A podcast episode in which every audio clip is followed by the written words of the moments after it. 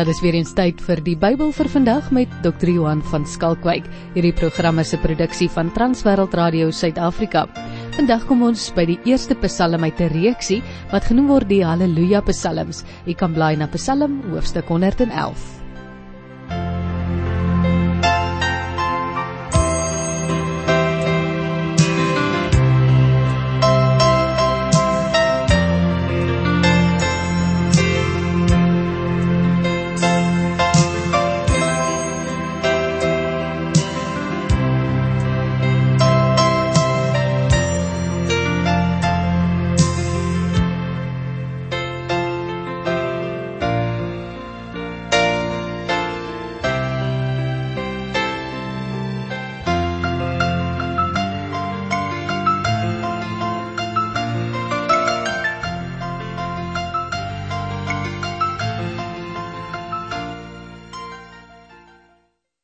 Goeiedag liewe luisteraar. Ag, ons het vandag weer 'n lekker nuwe klein stukkie afdeling wat ons begin in die boek Psalms. Vir julle wat die eerste keer inskakel, wil ek sê baie baie hartlik welkom van my kant ook. Ons is besig om die Bybel deur te werk van Genesis tot Openbaring. Ons doen gewoonlik so een of twee boeke uit die Ou Testament omdat daar meer boeke is, naamlik 39 boeke, en dan vir afwisseling 'n boek uit die Nuwe Testament. Daar is 27 boeke. So, hoekom sê ek ons begin met 'n klein nuwe afdeling? Want ons is by Psalm 111. En as jy mense in die kommentare blaai, dan sal jy agterkom, ja wel, jy kan sommer in die Bybel ook kyk en sal jy dit sien. Psalm 111 tot 118 is eintlik so 'n klein groepie psalms wat bymekaar hoort. Hulle word soms in sommige van die eh, kommentare genoem die Halleluja Psalms. Nou ja, die woord sê dadelik waaroor dit gaan hè. Halleluja beteken loof die Here. So Psalm 111 tot 118 is dan hierdie loof die Here psalms. En liewe luisteraars, hierdie psalms wat ons hier spesifiek gaan behandel tot by Psalm 118 is gesing tydens die Paasfees. Jy kan gerus 'n bietjie gaan kyk in die Nuwe Testament as jy 'n indirekte verwysing daarna wil hê in Matteus 26 by die 30ste vers. Dit word ook soms genoem hierdie spesifieke psalm 'n alfabet psalm. Nou ja, dis 'n interessante ding nê. Ek dink ek het al vir jou daarvan vertel, maar net om die geheue te verfris, 'n alfabet Psalm is 'n Psalm waarvan elke nuwe sinnetjie begin met die volgende letter van die Hebreëse alfabet. Met ander woorde, die eerste sin sal begin in die Hebreëse taal, kan ons dit nou baie duidelik sien. Die alef met sê nou maar aanbid die Here. Die bet met sê nou maar 'n woordjie soos belofte. So begin elke een van die letters van 'n sogenaamde alfabet Psalm van die alfa tot by die laaste letter van die Hebreëse alfabet. Dit is dus 'n uh, ook 'n manier om mense te leer, né? Dit was dus nakies ook een van die kenmerke van sommige van die wysheidspsalms. Byvoorbeeld in Psalm 73 by die 6de vers het die digter vir ons gesê dat die goddeloses en dan staan daar letterlik hang die trots aan hulle soos 'n halsnoer. Nou Paulus het daarenteen die kosbare string parels wat God aan die Israeliete gegee het, soos volg beskryf. Jy kan dit self lees as jy wil in Romeine 9 vers 4 tot 5. Maar luister 'n bietjie. God het hulle en nou haal ek aan as sy kinders aangeneem en in sy heerlikheid laat deel. Met hulle het hy die verbond gesluit en aan hulle die wet gegee, as ook die tempeldiens en die beloftes Hulle stam van die aardsvaders af en uit hulle is die Christus as mens gebore. Nou volgens hierdie spesifieke Psalm, liewe luisteraar, het die opregte die weldade wat God dan aan sy volk bewys het en waarna Paulus ook verwys, soos 'n string kosbare parels ingeryg en nou vertoon hy dit aan die gemeente. Baie interessant, 'n mens kan Psalm 111 wat nou nie baie lank is nie, want uh, dit is maar net 10 versies lank, verdeel in twee gedeeltes. Die eerste gedeeltjie strek so van vers 2 tot by vers 7a en dan die tweede afdeling van Psalm 111 vers 7b tot by vers 10. Maar nou is dit ook interessant dat in 'n sekere sin die eerste vers so bietjie los staan. Kom ek sê eers vir jou in breë trekke waaroor hierdie Psalm eintlik handel. God se verlossingsdade dink ek staan voorop. Want 'n mens sien byvoorbeeld in vers 2 tot 4 dat daar beskrywe word deur die digter hoe dat die Here se verskillende karaktertrekke wat verband hou met sy verlossingsdade beskrywe word. Die Here se dade, luisteraars, en sy karakter hou natuurlik verband met mekaar. Die Here se geskiedenis met sy volk is byvoorbeeld vol wonderwerke. Vers 5 tot 9 beskryf die digter hierdie wonderwerke tydens die uittog. Hy roep dus in herinnering die spysiging met manna byvoorbeeld en ook met kwartels in die woestyn. Hy verwys ook na die verbondsvoorwaardes wat daar by Sinaï opgestel is en die vestiging in Kanaan uiteindelik. Die digter ken immers die belydenis van sy volk in die verband soos wat dit in Eksodus 34 vers 6 en ook by vers 10 tot 11 vir jou vir my opgeteken is. Hy noem dan ook spesifiek vir al twee spesifieke eienskappe van die Here, naamlik trou en reg. Nou dis interessant dat 'n mens die twee woordjies bymekaar kry in die Bybel hier in Psalm 111. Hoekom sê ek so sê? Want jy sien luisteraar met die woordjie trou kyk die digter terug op die Here se heilsdade soos byvoorbeeld dan die voeding in die woestyn en die intog in Kanaan. En dan aan die ander kant met die woordjie reg verwys hy na die gode reg soos wat dit uitgedruk is in die wet en die verbond. Vir al die wet het in die tyd van die digter natuurlik 'n baie baie belangrike rol gespeel ten opsigte van die vroomheid van die gelowiges.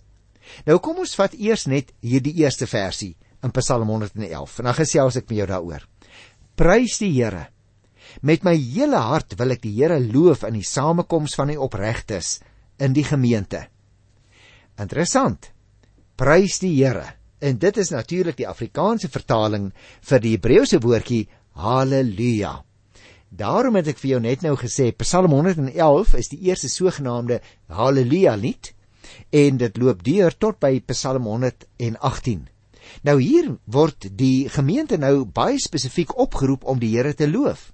Die digter se begeerte om dit self ook te doen, druk hy op dieselfde manier uit as wat vroeër gedoen is in Psalm 103 en ook Psalm 104 elke keer by die eerste vers. Maar hy voeg nou nog daarby dat hy die Here wil loof met sy hele hart. Mag ek jou 'n vraag vra, liewe luisteraar? Het jy dalk ook daar voor die radio iewers dalk die behoefte om die Here te loof met jou hele hart? Dan wil ek vir jou sê, lees Psalm 111 tot by 118 sommer in een asem wil ek amper sê. Nou interessant ook hier in die eerste versie het jy opgemerk. Die gemeente word ook genoem die samekoms van die opregtes daar in die tweede gedeelte van vers 1. Met hierdie benaming is natuurlik die volk Israel soms bedoel in die Ou Testament. Maar die opregtes is dan diegene wat lewe volgens die openbaring of die woord wat die Here aan ons gegee het. Dit is dus 'n wonderlike opmerking wat ons hier in die Bybel teekom. Want jy sien, liewe luisteraar, ten spyte van jou en my baie foute, ten spyte van ons tekortkominge, ten spyte van ons struikeling dikwels langs die lewenspad, as ons in Jesus Christus glo volgens die Nuwe Testament, dan kyk die Here na ons en beskou hy ons as opregtes. Nou kom ons Ek het vir jou gesê daar's twee gedeeltes in die Psalm. So behalwe die inleiding as dit ware in vers 1, is die eerste gedeelte dan vers 2 tot by vers 7a. Ek gaan eers net tot by vers 4 lees. Die werke van die Here is groot. Almal wat daarin vreugde vind, dink daaroor na. Sy dade is vol majesteit en luister. Sy trou staan vir altyd vas. Hy sorg dat sy magtige dade nie vergeet word nie. Genadig en barmhartig is die Here. Ag, is dit nie mooi woorde wat ons hier in die Psalm kry nie, liewe luisteraar. Die veronderstelling is dat die gemeente in sy geheel opreg is en hulle vreugde vind in die feit dat die Here groot dinge doen, sê die tweede versie. Mag ek weer vir jou iets persoonliks vra? Vind jy ook nog persoonlik, afgesien nou van in die samekoms met die gemeente, vind jy ook nog persoonlik vreugde en blydskap in die groot dinge wat die Here doen? Want luisteraar, dit is tog so maklik dat 'n mens in jouself verkeerd raak. Dat jy as dit ware net elke keer terugkyk in jou eie hart in jou eie teleurstelling, in jou eie moeite en jou moeilikheid wat jy het. nee. Kyk 'n slaggie deur die venster. Kyk sommer maar net na die berge, as daar berge buitekant is in jou omgewing, of kyk na die hemelruim want die moet daar wees, of kyk na die gras en die blomme en die bome. Dit is die groot dinge wat die Here doen in die natuur ja, maar wie wat? Kyk so 'n bietjie terug in die geskiedenis. Ek dink die grootste ding wat God in sy wye genade gedoen het, was dat sy seun Jesus Christus na die wêreld toe gekom het vir sondaar mense soos jy en ek en dat sy seun gesterf het aan 'n kruishout op Golgotha sodat ons wat verlore mense was weer kinders van God genoem mag word. En hier in hierdie Psalm word ons genoem opregtes. Want jy sien volgens baie van die psalms is die godsdiens natuurlik 'n saak van ware blydskap en vreugde, juis vir die opregtes. En die werke van die Here wat hy hier noem in die eerste gedeelte van vers 2 kan baie duidelik die skepingswerk van die Here insluit. Maar dan moet ons ook kyk, dit verwys hier veral sê vers 4a wat ek gelees het na sy magtige dade. Dit wil sê die Here se magtige dade wat hy gedoen het in die verlede waardeur hy juis sy trou aan die verbondsvolk getoon het. Ah, daar is ons een kern sleutelwoordjie weer terug. Trou teenoor die opregtes, né? Soos God self in sy dade ook vol luister is. Want ons moet onthou luisteraar, die Here verrig voortdurend sulke dade sodat juis die mens nie anders kan nie as om op te merk en te onthou dat die Here barmhartig en genadig is. As jy dus gedink het en gewonder het miskien wat sou die Bybel bedoel met genadig en barmhartig? Kyk maar net die dinge wat hy aan jou persoonlik gedoen het. Daarbenewens het die Here natuurlik ook voorskrifte gegee oor die manier waarop jy en ek hierdie magtige dade in herinnering moet roep. Gaan kyk gerus na daardie voorskrifte in Eksodus van vers 25 af. Nou dit bring my by die tweede gedeeltetjie of die tweede twee versies van die eerste gedeelte in die Psalm. Ek lees dus vir jou vers 5 tot by vers 9 hier in Psalm 111. Die Here voed die wat hom dien. Hy hou sy verbond altyd in stand. Hy het sy volk die krag van sy dade laat ervaar. Hy het hulle die land van die ander nasies gegee. Wat hy doen, getuig van trou en reg. Daar het jy nou weer ons twee woordjies bymekaar, die kern sleutelwoordjies van hierdie Psalm: trou en reg. Nou moet ons dadelik weer eens dink aan die prentjie wat hier geteken word deur die psalmis. Want tydens die woestynreis het die Here sy volk gevoed byvoorbeeld, want hy het sy verbond met Abraham in stand gehou. Met ander woorde, Deur hierdie dade het die Here sy volk veilig in die land gebring wat hy aan hulle gegee het deur die nasies wat daar gewoon het te laat verdryf. Maar het jy opgelet as 'n mens nou so terugkyk in die geskiedenis van oud Israel? Die Here se magtige dade blyk nie net uit oorwinnings oor sy volk se vyande nie. Nee, dit blyk ook uit die onderrig wat hy aan hulle gegee het in vers 7 tot by vers 9. En daarom wil ek my dadelik haas om by die tweede gedeelte van die Psalm te kom. Maar kom ek vertel jou eers in die algemeen ietsie van vers 7 tot by vers 10, vers 7b tot by vers 10. Want hier gaan ons nou nog 'n keer lees van die wet en die verbond. Die Here se voorskrifte is betroubaar, het ons nou al reeds gehoor. Hulle is vervat in sy wet en natuurlik ook in die voorwaardes van sy verbond.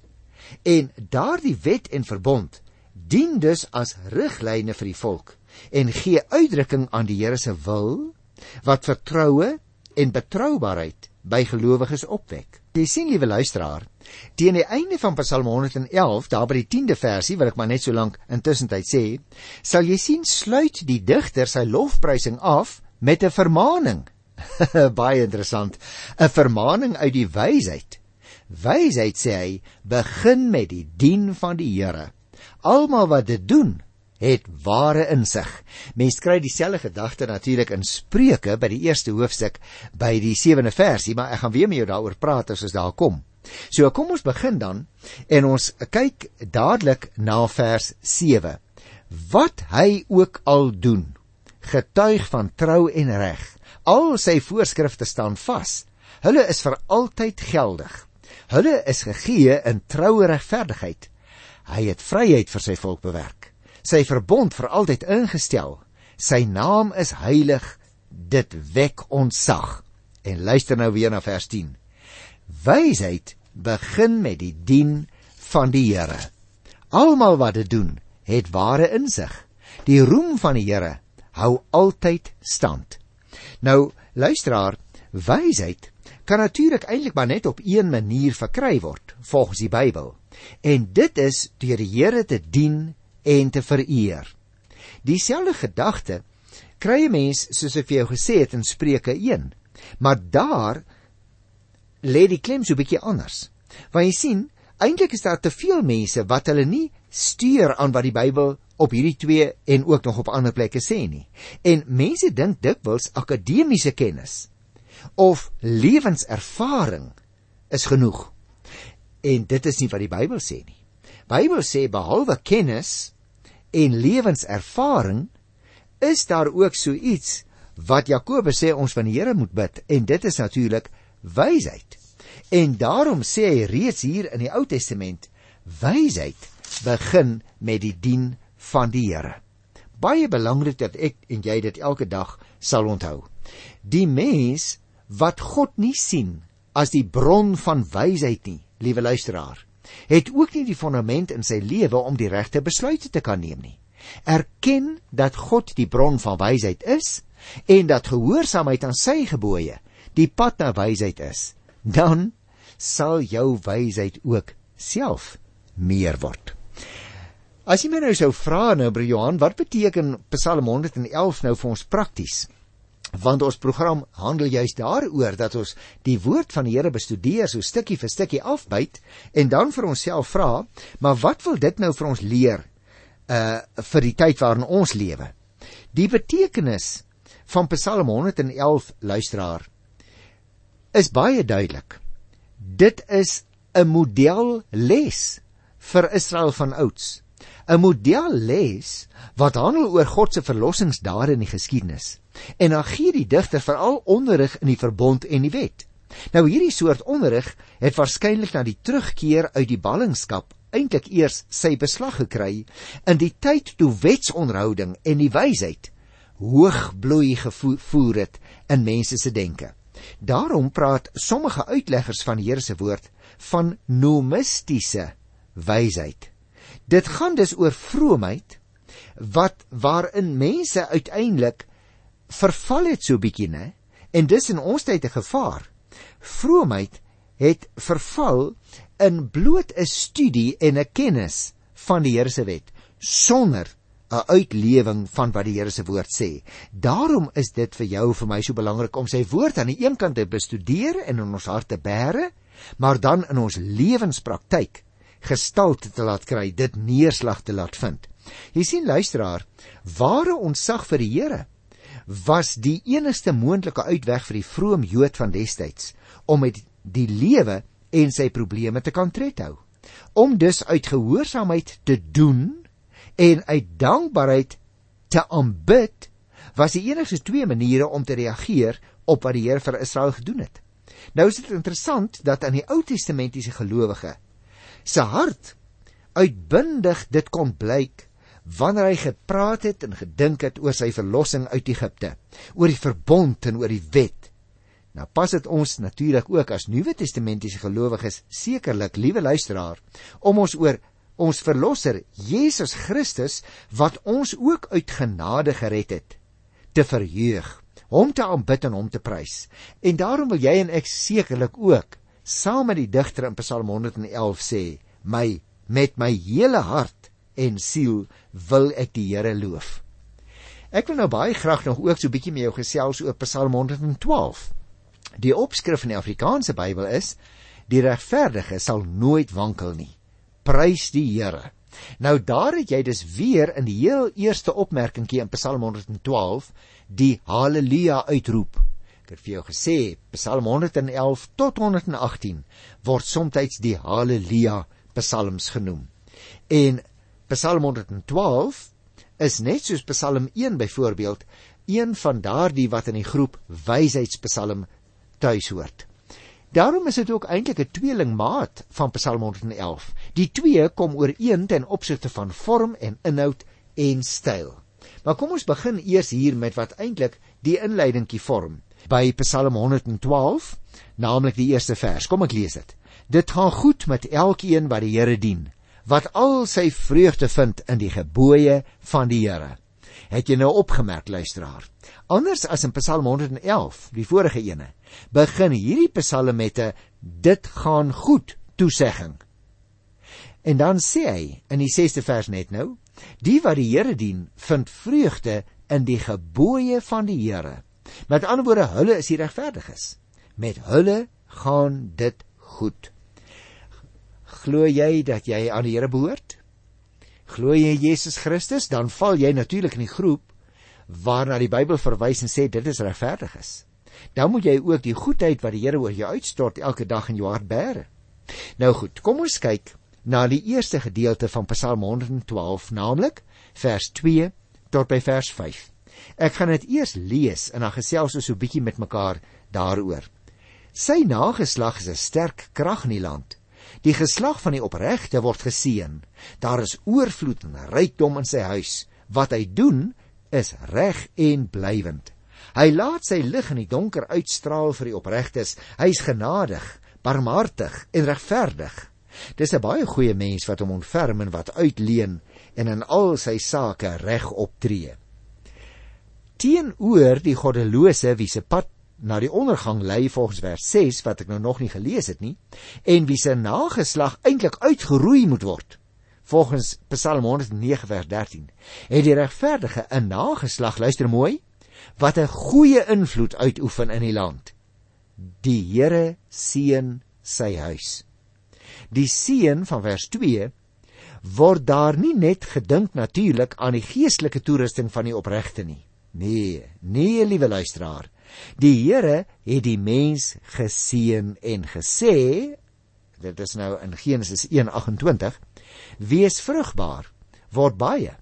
Die Here se seën het dus te maak met jou en my bestaan elke dag op die aarde. Dit sluit ook byvoorbeeld in rykdom en oorvloed volgens vers 3. Die Bybel is dus nie 'n boek wat gekant teen rykdom is nie luisteraars en ten gunste van armoede nie. Ons lees dit nêrens in die Bybel nie.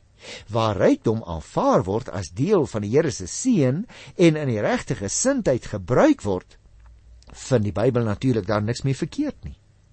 Dit is immers die Here self wat oorvloed gee. Jy sien, die gelowige is nie 'n wispelturige mens nie, liewe luisteraar.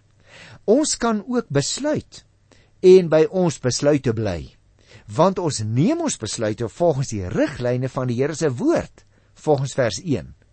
Daarom is my vraag aan jou: Neem jy jou besluite ook volgens die riglyne van die Here se woord of besluit jy sommer maar net soos wat jy voel in daardie oomblik? nee man. Die opregte is in die ware sin van die woord 'n beelddraer van God. Ons lees dit al reeds op die eerste bladsye van Genesis. En daarom wil ons ook ons besluite, want onthou ons is die enigste redelike wese wat die Here gemaak het. Wil ons ook ons besluite volgens die riglyne van die Here se woord en volgens die wil van die Here doen. Nou kom ons kyk nou na die uh, tweede gedeelte van Psalm 112 en dan gesels ons daaroor met mekaar so 'n bietjie maar eers wil ek dit lees. Psalm 112 vers 6 tot by vers 10. Die regverdige sal nooit wankel nie. Hy sal altyd onthou word. Vir slegte tyding is hy nie bevrees nie. Hy is gerus, hy vertrou op die Here. Hy voel hom veilig, hy is nie bevrees nie. Hy sal die neerlaag van sy vyande aanskou. Hy gee mildelik vir die armes wat hy doen is reg en blywend. Hy geniet hoë aansien. Die goddeloses sien dit en raak ontsteld. Hy kners op sy tande van magteloosheid. Van die begeertes van die goddelose kom daar net mooi niks. Nou as jy my nou sou vra nou Uh Rian, waaroor gaan dit nou op Psalm 112? Dan sou ek vir jou wou sê, Psalm 112 se boodskap is eintlik baie eenvoudig.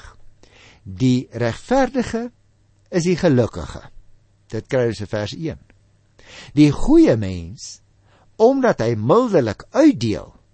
Dit is juis die resultaat van die kind van God se lewenspraktyk. Die Here beskou hom as iemand wat geseënd is en daarom wil jy en ek ook mos mildelik uitdeel. Kom ek lees weer vers 9 luister. Want daarin kry ons dit baie duidelik. Hy, dit is nou die regverdige kind van die Here, hy gee mildelik vir die armes. Wat hy doen is reg en blywend. Daarom is dit vir ons belangrik om na te raak te sien luisteraar, dis nie net eties korrek nie, maar dit bring ook ware vreugde en geluk as jy goed doen.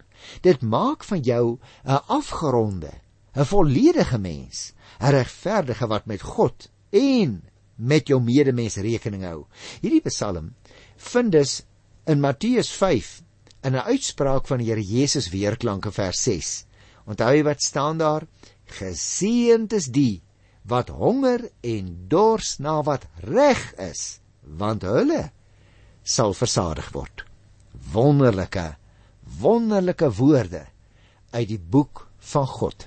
Ek groet jou dan op hierdie hoogtepunt in sy wonderlike naam tot volgende keer en ek herinner jou daaraan wat ons meester gesê het: Geseënd is die wat honger en dors na wat reg is, want hulle ja, hulle sal versadig word. Tot volgende keer. Totsiens.